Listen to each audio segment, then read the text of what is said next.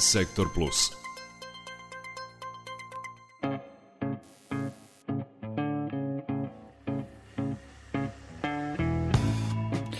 Danas o generaciji Z, e, ali pre toga e, samo informacija o vremenu. E, čini se da je u Banatu magla posustala, što se ne bi moglo reći za recimo Srem i Bačku. Evo i dokaza, Banatski Karlovac 17 stepeni, Kikinda 16, dok, na primer, Sremska Mitrovica tek 9, Palić 10, Sombor 9, Novi Sad 9 stepeni, da Zrenjanin 15 stepeni. E, rekao danas, e, rođeni na prelomu milenijuma, od malena koriste mobilni telefon i društvene mreže, druže se na internetu, ne bi mogli da zamisle svoju svakodnevicu bez mobilne tehnologije, jer objašnjavaju stručnjaci održavanjem kontakata na društvenim mrežama i drugim sajtovima grade svoj identitet.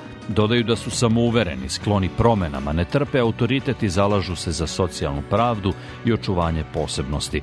Demografi ih nazivaju generacijom Z, Gen Z, po čemu se izdvajaju od ostalih generacija i kako protiv generacijskog jaza, u prilogu Biljane Kuriš.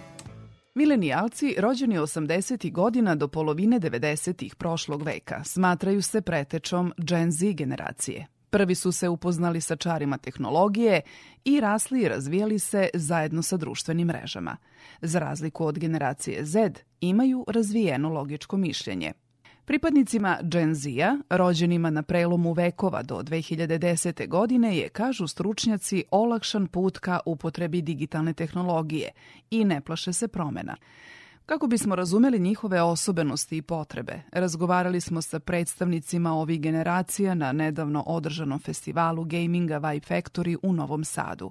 Koje su specifičnosti milenijalaca, odnosno Gen Z-a, za Radio Novi Sad govore Borivoje Naumovski, predstavnik starijih milenijalaca, Marija Lolin, predstavnica Gen Z-a i Milan Inić, Jasaštajn, youtuber, predstavnik mlađe generacije milenijalaca. Milenijalci su jedna jako specifična grupa, možda trenutno od svih generacija koje osjećaju te generacijske jazove, možda jedna jedina grupa koja ima generacijski jaz već u svojoj grupi, a kamoli sa drugim generacijama, e, stariji i mlađi milenijalci su već na nekim, no, na nekim različitim razinama shvatanja kako tehnologije, tako razvoja, tako društvenih mreža. Ja imam tu sreću da sam uvek nekako bio u kontaktu sa, kako sa mlađim milenijalcima, tako i sa Gen Zierima, pa mi je negde terminologija poznata, negde su mi pravci, trendovi poznati, međutim, većina mojih vršnjaka predstave nema čak ni šta je to čime se ja bavim, a kamoli šta je to čime se bave mlađi ljudi, pa i mlađe generacije, Gen Z posebno. Gen Z je moj, e, mo, mojoj generaciji potpuno neshvatljiv. Zato što Gen Z pretežno teži da bude više otvoren, otvorenog uma i da pokaže da biti emotivan nije loša stvar. E sad, šta se tu dešava je zato što koliko je Gen Z drugačiji i koliko je emotivan, što može bude i dobra i loša stvar, pogotovo sad zbog socijalne medije, um, nemo, sudara se sa milenijalcima koji su naučeni na jednu stvar, kako nešto treba da bude, po nekim principima i Gen Z hoće da razbije te principe, da pokaže ljudima da biti drugačiji nije loša stvar i da biti emotivan ne treba, nije nešto čega treba da se sramiš i da naprave neko mesto koje je sigurno za sve i koje prihvata sve. Ja sam se nekako zahvatio baš na tom nekom preseku kada je društveno uopšte bilo prihvatljivo biti emotivan i prikazati neku emociju. Ja nisam možda ni bio svestan tokom školovanja, tokom osnovne srednje škole, koliko ja recimo toga držim u sebi. Iako sam se ja uvek smatrao kao, a ti si emotivac. Ali čak i za tog emotivca milenijalca ovaj, nisam bio dovoljno otvoren sa samim sobom. I ja isto učim i od starijih i mlađih generacija. Ja sam eto uvek težio ka tome, oko nesvesno, da imam nekog starijeg pored sebe koji mi je neka, neka vrsta mentora. Totalno sam izgubljen kao i svi, svi generacije smo totalno izgubljeni, ali nisam osjećao tu neku slobodu da smem da, da iskazujem svoje emocije. Da li kroz razgovor, e, moja generacija nije uh, bila zapravo pitana ni od strane svojih vršnjaka, jer recimo nismo imali internet. To mogu evo i poraditi i sa đačkim parlamentom u srednjoj školi. Ono postoji đački parlament ali đački parlament niko nije slušao. Niko, opet, ali niko nije slušao đački parlament. Od, o, imamo sve predstavnike iz razreda da kažu mišljenje i stav učenika, šta je to što bi hteli da uvedu u školu da olakšaju i profesorima i učenicima. Taj parlament se sastavio, ali nikad se nije čuo. A sad vidim kod novih generacija, poradim sa svojom školom, uzimam evo školu kao neki primer da vidim kako nove generacije u toj istoj ustanovi se pitaju, se više zalažu. U drugoj godini imamo ljude koji su angažovani za političke nauke i na debate, idu na proteste, imaju svoj stav jer su pitani, pitaju jedne druge i čuju se, baš zbog toga što ima interneta. Tako da to bih rekao da je ja sam bukvalno na tom nekom pragu bio i drago mi je da vidim kod Gen Z-a da, da vide da se pitaju i da mogu da iskažu svoje mišljenje, svoj stav, a ne da samo prisvoje nečiji bez toga da se sami zapitaju, da imaju svoje neko kritičko mišljenje. Razlike se odnose na upotrebu tehnologije, u iskazivanju stava i mišljenja, prihvatanju sebe i različitosti i na kraju u pokazivanju emocija – Koliko su socijalne mreže uticale na njihov razvoj? Milenijaši su prvi korisnici društvenih mreža, Gen Z su prvi naslednici ere socijalnih mreža, ere društvenih mreža, gde su milenijalci krenuli da se ponašaju po onim parametrima koje su nama, koji su nama godinama usađivani. Moraš se ponašati na određen način, moraš se prezentovati na određen način i onda tu kreću oštre osude svakoga koji ispada iz tog šablona.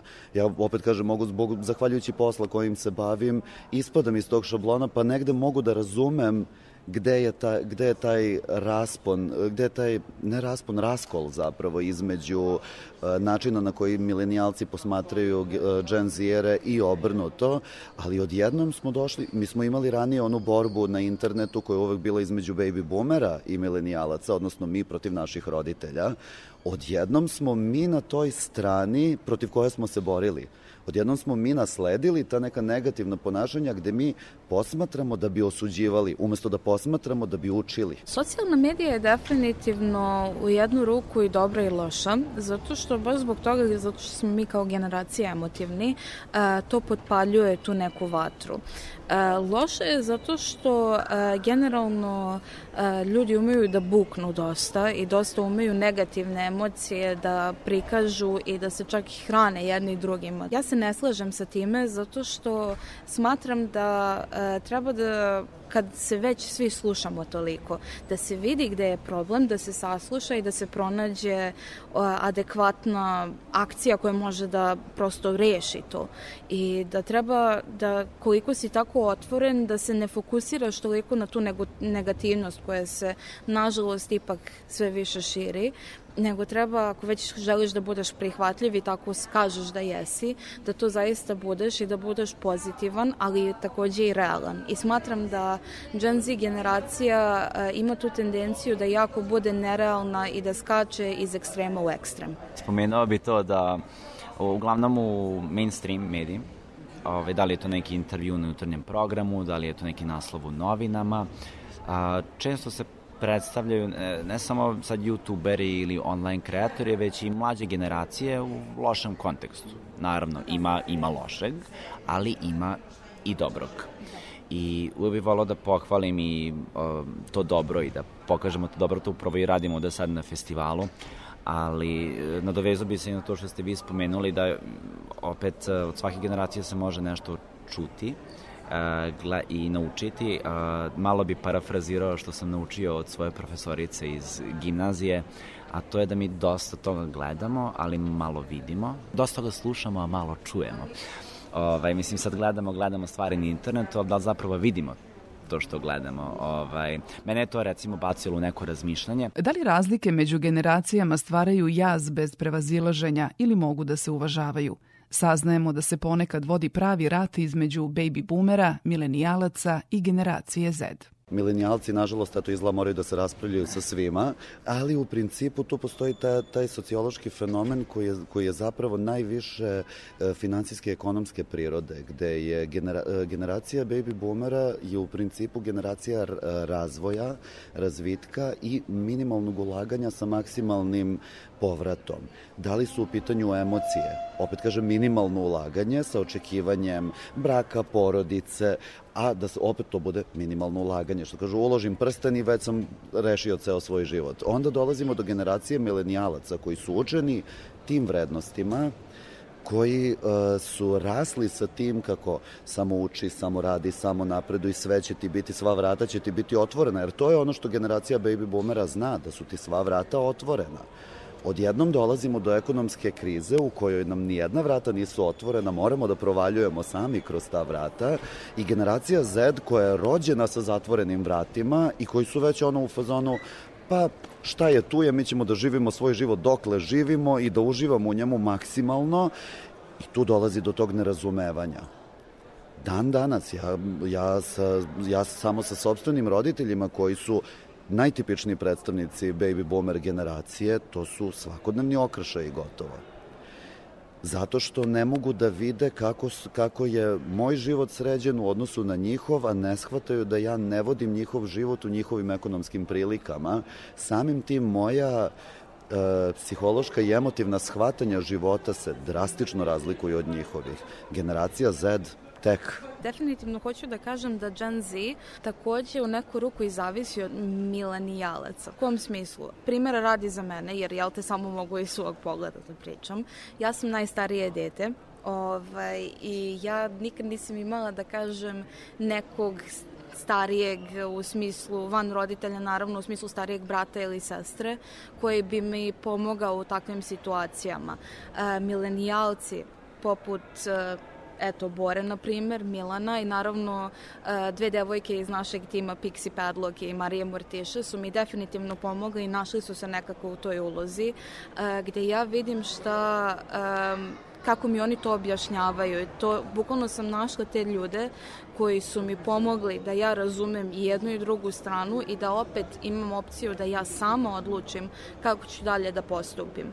I definitivno smatram da to slušanje konačno naše generacije zaista znači, jer um, konačno kad ti neko nešto kaže i ti poslušaš, uh, odjedan put ta vrata što su jel te bila zatvorena od početka, po, možda nisu to vrata više, možda će biti neki prozor, ali definitivno znači jer ti odjedan put nekako osjećaš se kao da si na pravom putu jel, jer te mi smo i dalje nekako izgubljeni, te studenti i te one koji sad završavaju srednju, definitivno znači kad imaš uvid šta možeš i koje su ti opcije dalje da radiš i da budeš u svom životu. Naši sagovornici bili su Borivoje Naumovski, predstavnik starijih milenijalaca, po zanimanju senior dizajner, zaposlen u gaming industriji, Marija Lolin, predstavnica Gen Z-a, studentkinja koncepta i karaktera dizajna i Milan Inić, Jasaštajn, youtuber, predstavnik mlađe generacije milenijalaca po struci videomontaže.